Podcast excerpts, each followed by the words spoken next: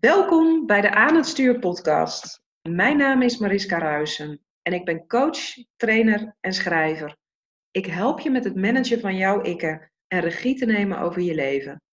In deze podcast deel ik heel graag tips en inspiratie met je over hoe jij jouw leven kunt leven zoals het voor je bedoeld is, in plaats van je te laten aansturen door negatieve en kritische stemmetjes in je hoofd. Het is mijn intentie jou te helpen de ruis die de kritische stemmetjes, zoals jouw slavendrijver, pleaser, perfectionist en innerlijke criticus veroorzaken, te elimineren, zodat je je opnieuw kunt verbinden met jouw innerlijk kompas, want die weet altijd de weg. Ik wens je heel veel luisterplezier. En welkom bij alweer de tiende aflevering van de Aan het Stuur podcast de podcast vol met tips over hoe jij aan het stuur komt van jouw leven. En vandaag is een hele bijzondere aflevering, want vandaag stel ik met trots een van de aan het stuur teamleden aan jou voor, die een unieke specialiteit heeft waarmee ze werkt. En uh, daar gaan we vandaag nader op inzoomen. Vandaag spreek ik met Minet Muizelaar. En uh, zij heeft zich gespecialiseerd in het coachen van gescheiden ouders. Dus luister jij vandaag deze podcast en denk je, joh, ik word regelmatig overspoeld door onzekerheden of ik het allemaal wel goed genoeg doe. Uh, en of ik geen andere keuzes had moeten maken voor mijn kinderen. Nou, dan is deze podcast echt eentje die je niet mag missen vanmorgen. En welkom Inet. Ik uh, ben heel erg blij dat, uh, dat ik jou mag interviewen voor deze podcast. Ja, goedemorgen. Ik ook. Ben ik ook heel erg blij om. Het is ontzettend leuk om hier te zijn. Dat, uh, ja, dat kan ik me voorstellen. Zou je jezelf eventjes kort kunnen introduceren en vertellen wat je doet? Want ik heb het net in twee zinnen verteld, maar jij kan het waarschijnlijk veel beter omschrijven. Ja, nou, ik ben, ben Minette Muizenaar en uh, ik ben bewustzijnscoach voor gescheiden ouders. Um, ik ben zelf twee keer gescheiden en uh, met de dingen die ik daaruit geleerd heb, help ik gescheiden ouders hun uh, leven weer vorm te geven en uiteindelijk vrij en onafhankelijk weer door te kunnen gaan met hun leven. En uh, ik help ze om echt weer rust en vertrouwen te vinden. en dat vanuit echt het, diepste gevoel van dat zij oké zijn, ook ongeacht de keuzes die zij uh, wel of niet gemaakt hebben in hun leven. Ja, want ik kan me voorstellen dat, uh, dat veel gescheiden ouders daarmee worstelen. Hè? Van heb ik nu wel de juiste keuze gemaakt? Uh, heb ik daarin het mezelf niet onnodig moeilijk gemaakt? Of heb ik mijn kinderen niet tekort gedaan? Um, zou jij eens kunnen vertellen wat, wat eigenlijk de grootste struggles zijn van mensen met, met wie jij werkt? wat, wat grootste ja, demonen in hun hoofd zijn waar ze, waar ze tegenaan lopen? Ja, nou wat ik heel veel zie inderdaad, de, de, belangrijkste vraag die veel ouders toch wel bezighoudt is, uh, doe ik het goed en heb ik het goed gedaan? Hmm. En uh, uh, dat maakt dat zij zich ja, in hun handelen en keuzes ook vaak wel echt laten leiden door wat zij denken dat goed is voor hun kinderen. Um, nou ja, daar zijn heel veel stemmetjes over in hun hoofd, allerlei discussies over aan het voeren. Maar uh, het echte contact met zichzelf, met hun innerlijke kompas eigenlijk, en over wat nou goed is voor hen zelf, uh, dat ontbreekt vaak. Waardoor, ja, waardoor de buitenwereld ook heel veel invloed op ze heeft. En ze eigenlijk alle kanten opgeslingerd worden vaak. Helemaal als het nog midden in de scheiding, als ze nog midden in de scheiding zitten. Want dan komt er gewoon zoveel op, op hun af en ja, ze willen het voor iedereen goed doen. Um, ja, en ze hebben natuurlijk al hun eigen emoties. Uh, en dat maakt het gewoon heel ja, chaotisch en onoverzichtelijk voor ze. Hmm, wat nou eigenlijk goed is. Ja, snap ik. Snap ik. En voordat we nou naar de vraag gaan van hey, wat doe jij daar dan uh, precies in met die gescheiden ouders? Hoe begeleid je hen? Je gaf mhm. net zelf al aan dat je, uh, dat je zelf twee keer gescheiden bent. Mm um, dus het zal ook geen toeval zijn dat je, dat je hebt gekozen voor deze invalshoek. Uh, Zou je iets meer kunnen vertellen over de weg die jij gegaan bent en de ontdekkingen die je daarin hebt gedaan? Uh, ja, dat, uh, dat, dat wil ik zeker. Ik, uh, ik ben twee keer gescheiden en de eerste keer was in 2003. Toen um, was mijn zoon net een half jaar. Um, de vader van mijn zoon die ging, die ging weg. En um, nou ja, dat was dus een hele hectische periode. -hmm. Want uh, ik was net voor het eerst moeder geworden en uh, na een relatie van 13 jaar uh, ging ik uit elkaar. En mm-hmm. met alle ja, vragen die daarbij kwamen ook van, oh jee, nu ben ik een levensstaande moeder, hoe moet dat nou? En um, ik heb al heel snel mezelf voorgenomen om geen rokkige, bittere en verlaten vrouw te worden. En mm-hmm. ik wilde gewoon, ik wilde een, een, een, vrolijke, lieve moeder voor mijn zoon zijn. En uh, uiteindelijk heb ik ook weer een goede relatie met de vader van mijn zoon gekregen. Um, maar ik heb wel gemerkt dat ik heel Ik ben altijd eigenlijk bezig geweest met wat doet het met mijn zoon. Uh, nou ja, ten tijde dat het niet goed ging tussen ons, hadden we ook best wel veel ruzies en zo. Dus ik had veel heftige emoties. En mhm. ik heb me altijd zorgen gemaakt van wat heeft dat met hem gedaan. Mm En ben ook eigenlijk altijd bezig geweest met ja, wat is goed om te doen voor hem. Um, en dat ging ik eigenlijk uh, steeds meer vanuit mijn hoofd invullen. Uh, dus bedenken wat goed was voor hem, wat een goede ouder was. Ja, dat had ik toen niet door, maar dat kan ik nu achteraf zien. Mm -hmm. Ik ging mhm. eigenlijk steeds meer vanuit mijn hoofd leven. Um, nou ja, na vijf jaar uh, kreeg ik een, uh, een, tweede relatie. En uh, nou, we hebben echt super mooie tijden ge gehad samen en heel veel plezier beleefd. mijn tweede vriend had dan ook een zoon. Nou, dat, dat, dat was, was ook leuk. En eigenlijk wist ik ook al heel snel. Ehm, deze manier van leven is niet mijn leven. En dat zachte fluisterstemmetje van binnen, daar ben ik wel aan voorbij gegaan. Omdat uh, ja, ik vond het moeilijk om daar naar te luisteren, want het betekende dat ik iemand anders toch uh, verdriet ging doen. Mm-hmm. En um, ik was eigenlijk ook altijd wel heel erg bezig met, ja, wat doet een tweede scheiding met, um, met, met mijn zoon, met de zoon van mijn vriend, met mijn vriend, nou ja, met iedereen. Mm-hmm. Nou, ik heb dus, ik, ik, heb, ik heb jaren wel echt uh, innerlijk conflict gehad daarover in mezelf. En dat was, uh, dat was een heel gedoe om daaruit te komen.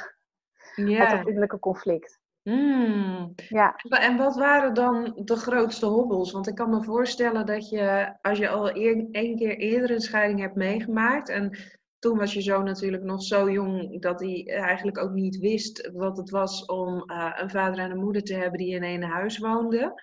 Um, nu had je eigenlijk een soort van gezinsleven gecreëerd met, uh, met zelfs een, een, een, broertje erbij. Dus ik kan me voorstellen dat het dan uh, nog heftiger is om te zeggen van nou, goh, ik trek mijn eigen plan en ik kies voor mijn geluk. Ja. Uh, op dat moment natuurlijk je zoon daadwerkelijk een gezin zou ontnemen. Ja. Um, ja, wat, wat, wat heb je daarin gedaan om uiteindelijk dan toch de knoop door te hakken en te zeggen van hé, hey, ik, blijf niet omwille van de lieve vrede, maar ik kies voor mezelf? Uh, nou ja, eigenlijk heeft het leven me daarbij geholpen. Want uh, doordat ik um, niet voor mezelf koos, te lang, uh, ging dat steeds meer wringen van binnen. En ja, er kwamen ook steeds meer gebeurtenissen die mij dwongen te kijken daarnaar. Dus uh, crisissen die eigenlijk zich voordeden in mijn leven, die, uh, die werden steeds groter en die volgden elkaar ook steeds sneller op en in onze relatie. Um, dus het heeft ook echt gewerkt als een uh, self-fulfilling prophecy. Ik was altijd bang van, oh, wat doet een tweede scheiding met mijn zoon? te heftig. En, maar doordat ik dat wilde voorkomen, mm -hmm. ben ik gebleven. Terwijl ik al eerder wist, zo gaat het niet, zo werkt het niet voor mij. Mm-hmm. En daardoor is het voor iedereen veel heftiger geworden. Want na tien jaar, wij zijn uiteindelijk tien jaar bij elkaar gebleven, ja, had iedereen zich natuurlijk heel erg aan elkaar gehecht. Hecht. Dus het was ook heel heftig voor mijn zoon, voor uh, de zoon van mijn vriend, voor mijn vriend. En ik heb, daar, ik, ik heb dat door, ja, door mijn blijven, door mijn gedrag, erger gemaakt dan het had hoeven zijn voor iedereen. Mm. En, en zeg je daarmee dan eigenlijk ook dat jij uh, heel erg gelooft in de law of attraction? Van nou ja, gelijke energieën trekken elkaar aan. Er was al sprake van een lage energie in jullie gezin. En misschien heb je er um, door zelf onvoldoende te bewegen naar een andere energie van hé, hey, nou, ik ga voor mezelf kiezen en mijn eigen weg bewandelen, zeg je dan van nou, daardoor zijn er wellicht ook meer moeilijkheden op ons pad gekomen en heb ik het voor ons allemaal uh, moeilijker en zwaarder gemaakt? Uh, hoe zie je dat? Ja, ik geloof zeker in de, in de law of attraction. En um, um, ik was heel erg bezig met de ander. Dus het met, met, um, uh, met hoe de ander, ja, eigenlijk toch met de ander veranderen. Mm En daar kon ik allerlei goede argumenten voor aandragen waarom dat moest. Um, maar eh, in die end kwam het er wel op neer dat, uh, dat ik dus bezig was met de zaken van een ander die niet mijn verantwoordelijkheid waren. En de dingen waar ik echt invloed op had, um, die, ja, die, die nam ik minder op Um, want het was zeker niet zo dat er geen liefde was tussen ons. Dus was, we hebben het steeds mhm. elke keer weer opnieuw geprobeerd. Dus ik wil ook helemaal niets afdoen aan die relatie en uh, aan, aan, die, aan, aan, die man. Maar um, uh, we kenden onszelf onvoldoende en we, namen, we waren te, bezig, te veel bezig met, met de zaken buiten ons eigenlijk. Daar kwam het wel op neer. Oh, mooi wat je, wat je daarin zegt. Want dat zal iets zijn denk ik wat, wat heel veel ouders die een scheiding overwegen of die daarin zitten, um, dat ze dat herkennen natuurlijk. Je wil het liefst voor de buitenwereld het plaatje in stand houden, maar de enige voor wie je, op wie je invloed kan uitoefenen en voor wie je het goed kan doen, ben jij uiteindelijk zelf. Ja. Uh, en, en dat, dat hoor ik jou dat, ook dat, zeggen. Ja, en dat vind ik ook wel, dat, daar heb ik wel de meeste, nou ja, de meeste moeite, maar om daarmee voor mezelf in het reinen te komen, zeg maar. Mm dus weet, die wetenschap van als ik eerder goed voor mezelf was gaan zorgen, mm-hmm. dan had dit niet zo hoeven gaan. En dan, um, ja, dan, dan had er misschien een hele uit, andere uitkomst mogelijk geweest. Um, het, hoe belangrijk het is dat je dus inderdaad echt die verantwoordelijkheden oppakt die echt van jou zijn. Je niet mm. bemoeit met die van een ander, ook al lijkt dat nog zo nobel. Ja. Wat ik dus best wel deed, uh, met, met, met, dingen, ja, eigenlijk kan ik wel zeggen bemoeien ook, die niet mijn zaken waren. Um, maar dat leidde me af van mezelf. Ja. En ook, en ook dus van dat innerlijke conflict in mezelf. Want jij vroeg net op een gegeven moment van wat heb je uiteindelijk gedaan om die hobbel toch te nemen. Mm -hmm. uh, nou, ik zei al, het leven hielp me. Op een gegeven moment kon ik geen kant meer op. En mm. heb ik zelf de knoop doorgehakt om daarmee uh, te stoppen. Maar dat ging niet op een hele zachte manier. En daar, uh, ja, daar, daar heeft ook mijn ex-partner echt wel heel veel last van gehad. Ja, ja snap ik. Snap ik. Um, en daar, ja, dat heeft ook echt, ja, dan moest ik, dat heeft echt een tijd geduurd voordat ik me daarover, dag, op een gegeven moment dacht, ja, wie ben ik eigenlijk dat ik dit zover heb laten komen en dit zo heb gedaan? Mm. Ja. Had je, had je last van, van jouw dader aan het stuur? Van, oh jee, nu, nu is het mijn schuld dat dit zo is gelopen? Ja. Ik, uh, ik, dus het slachtoffer en de dader, die ken ik uh, wel goed hierin. Vooral in, met, met, mijn eerste scheiding voelde ik mij toch eigenlijk wel slachtoffer. Uh, omdat mijn vriend toen wegging en ik ook nog maar net moeder was. maar ik mocht dat ook niet zijn van mezelf. Dus die deed ik ook altijd nog weer proberen te verbergen. Um, en ja, in de tweede scheiding vooral heb, heb, heb, heb ik wel heel erg dader uh, ook uh, kennis gemaakt. Ja, ja, ja. En ook inderdaad ja, naar iedereen toe eigenlijk. Ook naar mijn zoon toe. Ja, dat snap ik. Ja. En, en wat heeft jou geholpen uh, om nu twee jaar later te kunnen zeggen van hé, hey, ik word niet meer iedere dag verteerd of opgevreten door schuldgevoel? Want ik ken maar Um, ja, ik, ik ken behoorlijk wat mensen die zeggen van ja, schuldgevoel beheerst nog steeds mijn leven. Ik heb het niet goed gedaan. En jij komt heel erg sterk, krachtig en zelfverzekerd over. Dus kennelijk heb je een weg gevonden om je daar uh, uit te breken. Wat heb je daarin gedaan? Um, nou, het eerste jaar heb ik me alleen maar gericht op um, Ehm, zorgen dat de basis in orde was. Ik had een coach die mij toen uh, geholpen heeft. En die stelde mij de eerste keer dat ik bij haar was uh, één vraag. En die is me heel erg bijgebleven. En uh, die vraag was: wat maakt dat je hier nu zit in deze situatie? Wat is, wat is de kern van, van alles wat er gebeurd is? En mijn antwoord was: ehm, de kern is dat ik datgene wat het dichtst bij huis ligt, namelijk mezelf en mijn mm. zoon, zei ik daarna, maar in, vooral mezelf, vergeet. Doordat ik zo bezig ben met de buitenwereld om me heen en het voor hun goed maken en helpen en redden. Mm-hmm. Eh, en toen ben ik, uh, heb ik drie dingen, uh, drie punten opgeschreven. Ehm, voor het komende jaar, voor 2018 was dat. namelijk, en dat was mezelf op nummer één.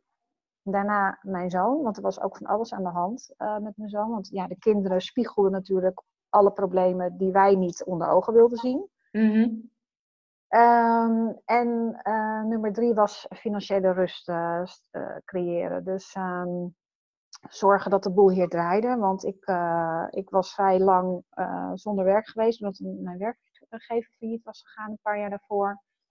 Uh, dus ook dat moest ik in één keer uh, ja, zorgen dat het, uh, dat het draaide. Mm. dus behalve de dader aan het stuur, um, was er ook een enorme overlevingsdrang, omdat er gewoon ja. zoveel geregeld moest worden.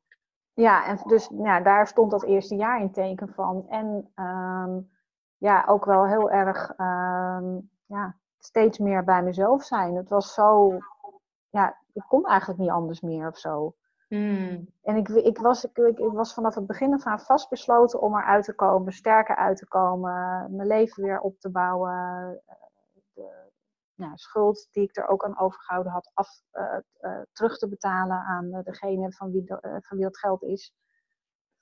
Um, ja, die, die drive is altijd heel sterk geweest. En ook de drive om aan mijn zoon voor te willen leven, dat dat kan. En dat wat, waar, wat jij gelooft en waar je van droomt, dat dat bereiken, te bereiken en haalbaar is. Hmm. En mijn zoon is ook altijd wel eens iemand geweest die mij echt spiegelt en waardoor ik af en toe weer denk, oh, oh, doe ik dat? Maar dat wil ik helemaal niet voorlezen. Leven. Ah, dat is mooi. Dat is mooi. Hele, ja, gewoon, hij is heel, hij is, heeft, ziet de dingen scherp. Hij is, gewoon, hij is heel, uh, ja, hij heeft humor. En uh, ik vind af en toe dan zegt hij gewoon even iets onnullig, lijkt het. En dat schudt mij dan helemaal wakker. Mm. Het is mooi dat je zegt van, ik ben er eigenlijk mijn vizier op de toekomst blijven houden. Van, ja. nou, hey, dit, dat en dat uh, zijn de dingen die geregeld moesten worden om voor mezelf en voor mijn zoon een zo goed mogelijke toekomst te creëren. En ja, de dader, je schuldgevoel, die houdt je natuurlijk vooral gevangen in het verleden, in wat is geweest. En verhindert je om, om verder te kijken. Heb jij het idee dat door het harde werk wat je hebt gedaan en dat je zegt van nou, ik ga nu een mooier en beter leven uh, voor mij en mijn zoon manifesteren dan dat er de afgelopen jaren is geweest. Dat dat ook geholpen heeft om bepaalde pijn en bepaalde hobbels achter je te laten? Ja, het heeft zeker geholpen. Het heeft vooral geholpen om elke keer weer op te staan, want het was af en toe niet makkelijk. Nee, dat snap ik. um, ja, vooral in het begin was het gewoon enorm chaotisch en uh, was ik heel verdrietig, uh, zowel bij de eerste scheiding als bij de tweede scheiding. Um, ja, nou ja, het heeft me geholpen om elke keer weer op te staan. En um, uh, de deelpersoon uh, die ook erg aanwezig was in mijn leven. En um, uh, dat was de, de afhankelijke ik. Mm -hmm. afhankelijke deel in mij. En ja, de situatie waar ik op een gegeven moment in zat, juist ook het financiële, de, de financiële situatie, heeft mij juist geholpen om weer uh, om, om mijn onafhankelijke deel aan te spreken. Iets wat ik altijd wilde en wat ik ook altijd zelfs wel riep in mijn tweede relatie. Um, maar waar niet echt veel noodzaak voor was toen. Mm-hmm. Dus, um, en om dan gewoon met je voeten eigenlijk in de modder te staan en um, het te moeten doen en op niemand terug te kunnen vallen. Hè. Er waren heel veel mensen om mij heen hoor, die me steunen. Maar dat is toch wel anders als dat je iemand hebt die het geld verdient en, ehm, en jij kan eigenlijk toch wel een soort van luxe ja. zeggen van ja, hoe die ander met de dingen om zou moeten gaan of zo. Mhm. Terwijl jij thuis ja, fijn ehm, ja, kan mediteren en uh, je persoonlijk ontwikkelen. Maar dat is toch wel anders dan, uh, dan het gewoon helemaal zelf te moeten doen. Ja, zeker. Zeker. Ja, dus het heeft mij enorm geholpen om uh, gewoon met twee benen en voeten op de aarde te komen. Ja, mooi. En ehm, vervolgens heb jij gezegd van nou, dit, dit is zo'n uh, ontzettende uh, leerschool voor mij geweest en ik heb hier zulke waardevolle lessen uitgehaald. Uh, ik heb het idee dat ik daar andere gescheiden ouders ook mee kan inspireren.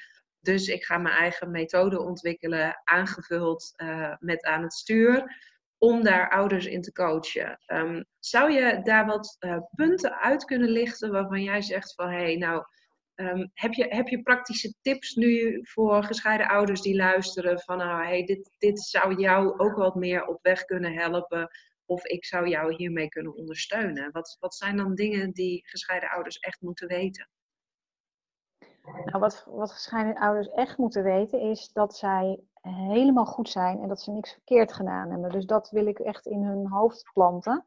Mhm. Ehm, dat er eigenlijk in het grotere geheel niet zoiets bestaat als uh, dat je het fout kan doen. Uh, je kan keuzes gemaakt hebben waar je achteraf denkt van nou dat, dat is niet zo handig geweest, dat, dat heeft anders uitgepakt dan ik gehoopt of verwacht had. Um, en vervolgens kan je daaruit leren en, en, weer verder gaan. Maar dus dat zij ten diepste echt oké zijn. Um, ja, wat, wat, wat ik ze mee zou willen geven is verzamel mensen om je heen die jou bekrachtigen. Dus die niet meegaan in verhalen over uh, hoe slecht je ex is of uh, uh, dat het voor jou toch allemaal zo moeilijk is. Dus ja, mensen die jou echt sterker maken en die het beste in je aanspreken. Dat, dat is eigenlijk wat ik ze mee zou willen geven. En, en dus ja, vooral ook heel erg zelfliefde ontwikkelen en zelfacceptatie. En dat klinkt misschien nog vaag. Als, hmm. als je daar nooit mee bezig geweest bent. Maar ehm, ja, leren er voor jezelf te zijn. En ehm, elke keer weer mogelijkheden zoeken naar hoe kan ik het voor mezelf beter maken. Hmm. Ja, mooie, mooie tips.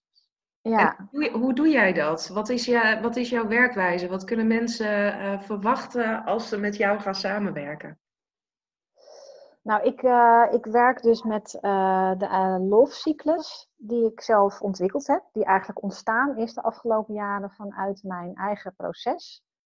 Um, die, die, die, die is ontstaan met name na mijn tweede scheiding. op een gegeven moment um, heb ik met mezelf afgesproken dat dat jaar, dat hele jaar, heb ik, ik heb op kerst, heb ik met de eerste kerstdag heb ik die afspraak met mezelf gemaakt. Dat dat eerstvolgende hele jaar zou in het teken staan van de liefde en de aandacht die ik aan mezelf zou geven.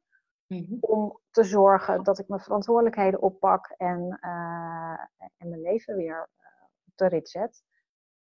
Uh, en van daaruit is die love cyclus ontstaan. En die bestaat uit vier fasen.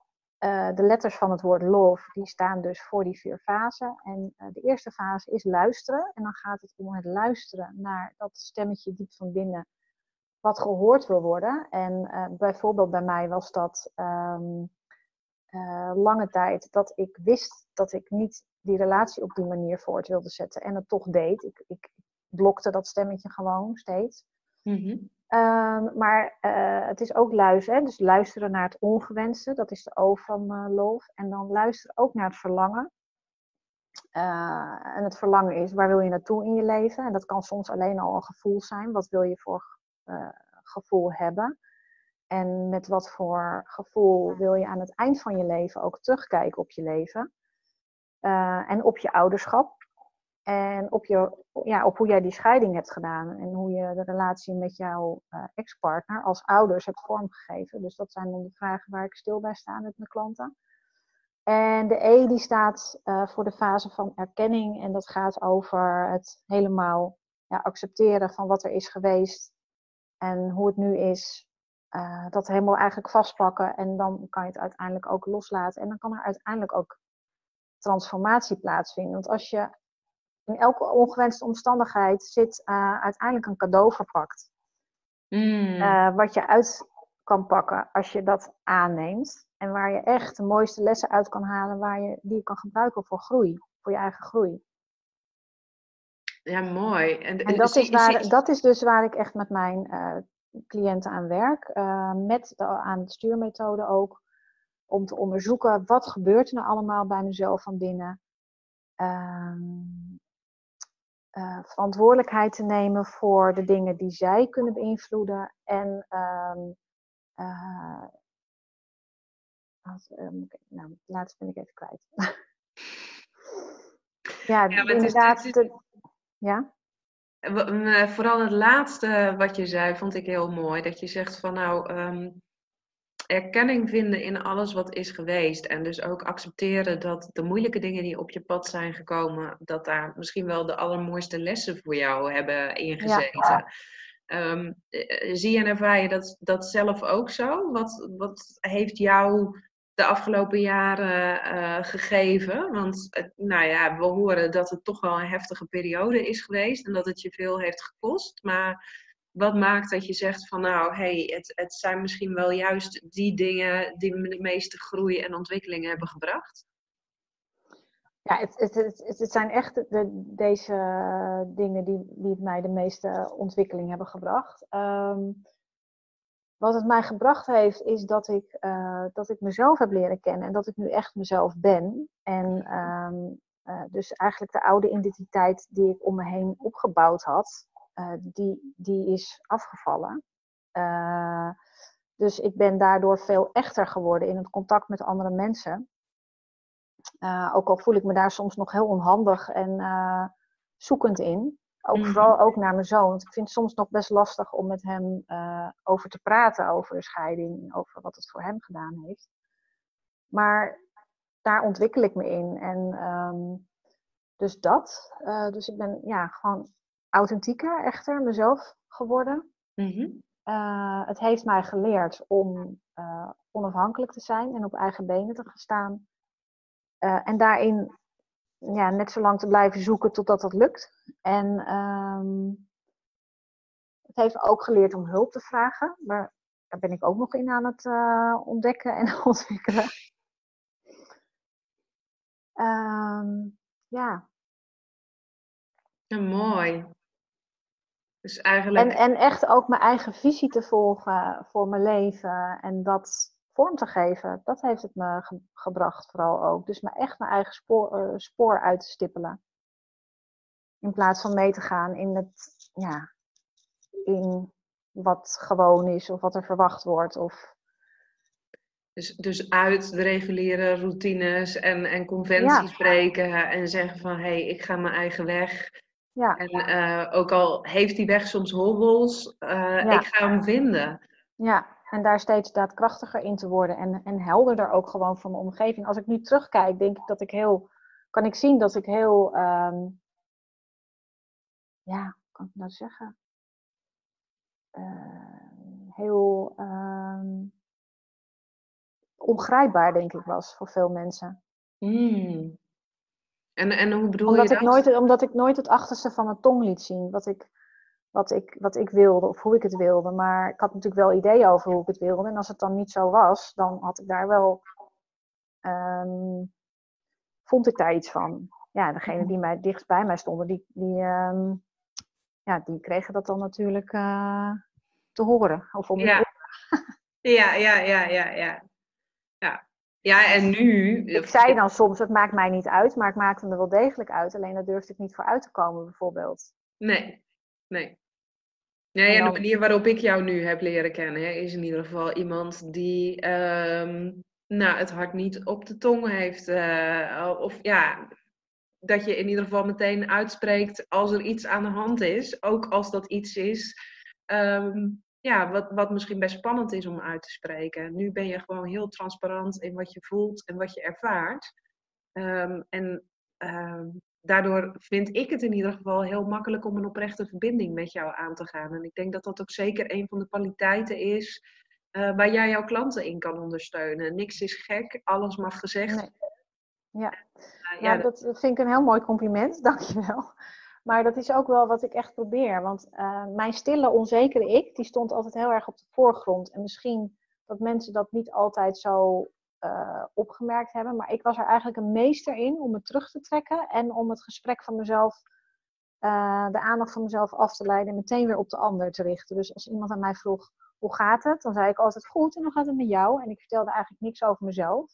Hmm. En onlangs las ik een interview... Um, met Sarayda Groenhart over haar, um, wat de instelling die ze haar dochter mee wil geven. En dat is hardop leven. En dat is nu ook mijn instelling. Dat is wat ik, dat is, ja, dat is mijn nieuwe motto. Dat is wat ik ook, uh, ook me zo voor wil leven en mee wil geven. En um, ja, daar ben ik ook echt nog wel in aan het oefenen en ontwikkelen.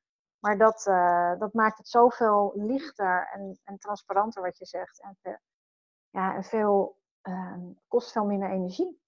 Want je hoeft niet al die dingen binnen te houden en te overwegen. Oh, kan ik dat wel zeggen? En al je woorden op een goudschaaltje wegen. En dat is gewoon heel vermoeiend. Ja, ja. En ik voel me daar ook echt mee lichter worden. Hmm. Dat is, ook echt iets, dat is ook echt iets wat ik mijn klanten nog, sorry, laatste, wil geven. Um, uh, lichtheid. Want het is natuurlijk heel zwaar en serieus scheiding. Maar Ehm, als je het echt aangaat en je zoekt ook uh, fijne mensen om je heen, dan is het ook een heel mooi proces en kan je er hartstikke veel uit leren. En hoeft het helemaal niet alleen maar zwaar te zijn. Oh, dat vind ik wel een hele mooie om, uh, om mee af te sluiten. Vooral omdat we uh, vanochtend in het voorgesprekje wat wij met elkaar hadden, um, dat jij ook aangaf van, ja, weet je, in je hoofd maak je dingen soms veel groter dan nodig op het moment dat je ergens daadwerkelijk een stap zet en het gaat doen, uh, dan blijkt het altijd eenvoudiger en uh, minder heftig te zijn dan wat je je van tevoren ja. Realiseert. echt zo. Ja, dan ja. laten verrassen door alles wat er, uh, wat er op je pad komt. Dus ik denk dat dat een, een, een hele mooie boodschap is om mee af te sluiten voor, voor de luisteraars.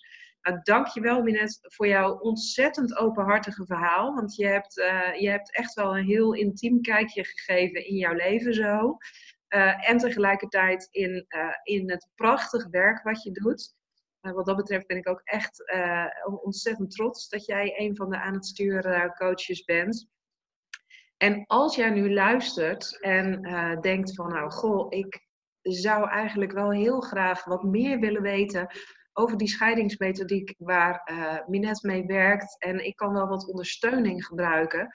Waar kunnen ze jou dan vinden, uh, Minette? Uh, ze kunnen mij vinden op mijn Facebookpagina, Minette Muiselaar, streepje coaching bij scheiding. Mhm. En ze kunnen mij vinden op mijn LinkedIn-pagina. gewoon LinkedIn en dan Minette Muiselaar opzoeken.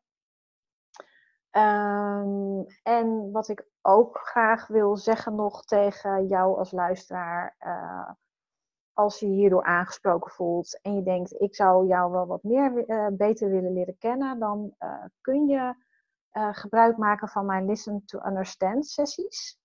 En die zijn telefonisch. Zowel telefonisch als live. Eén keer in de maand zit ik ergens in een koffietentje en dan kan je gewoon bij mij aan mijn tafeltje aanschuiven voor een uur. Als je met een vraag zit of een dilemma wat je, waar je graag eens met een ander uh, dan jouw uh, eigen kringetje over wil praten. En ik luister heel graag naar je. Mooi. En er is binnenkort ook een mogelijkheid om jou sowieso live te zien. Um, het is misschien nog wel even leuk om dat te vertellen voor de luisteraars die dat nog niet hebben meegekregen of gemist hebben. Maar um, van 22 tot 28 november kunnen jullie het aan het stuurteam live gaan ontmoeten. Ik zal binnenkort ook nog meer podcasts op gaan nemen met de andere aan het stuurteamleden. Um, en kun je op een hele laagdrempelige manier uh, kennis met hen maken. Want in de week van 22 tot 28 november uh, zijn we aanwezig op de Margriet Winterfair in de Brabanthallen in Den Bosch. Uh, een dag die uh, helemaal staat in het teken van de decembermaand, waar je uh, lekker je cadeautjes bij elkaar kunt gaan shoppen. Maar wat misschien stiekem ook best wel wat stress uh, met zich meebrengt. Want heb je wel de juiste cadeautjes voor iedereen? Uh, heb je wel gedacht aan de juiste ingrediënten voor het kerstdiner? Uh, misschien zitten er heel veel mensen aan tafel met specifieke dieetwensen. En het zou zomaar kunnen dat daardoor je perfectionist en je pleaser heel erg de overhand gaan krijgen. Want er wordt nogal wat van je verwacht in de decembermaand. En precies om daarmee om te gaan, met al die verwachtingen, eigenlijk precies waar deze podcast met me net ook over ging, van uh, hoe hoog leg je de lat voor jezelf, waar je allemaal aan zou moeten voldoen. Uh, precies daar gaan we in de week van 22 tot 28 november uh, op inzoomen. Je kunt zes keer per dag uh, bij onze stand een gratis workshop volgen over hoe jij zonder stress de feestdagen doorkomt. En um, nou, zowel ik als Minette zullen een aantal dagen aanwezig zijn. Dus het zou super tof zijn om je daar te ontmoeten. Mocht je nou meer willen weten over die Margriet Winterver, over het aan het stuurteam, uh, over stemmetjes in je hoofd, wat je daar nou precies tegen kunt doen, dan zou ik zeggen, ga onze Facebookpagina aan het stuur volgen waar iedere dag uh, tips, inspiratie en blogs, uh, ook de podcasts op zullen worden uh, geplaatst van de verschillende aan het stuur teamleden.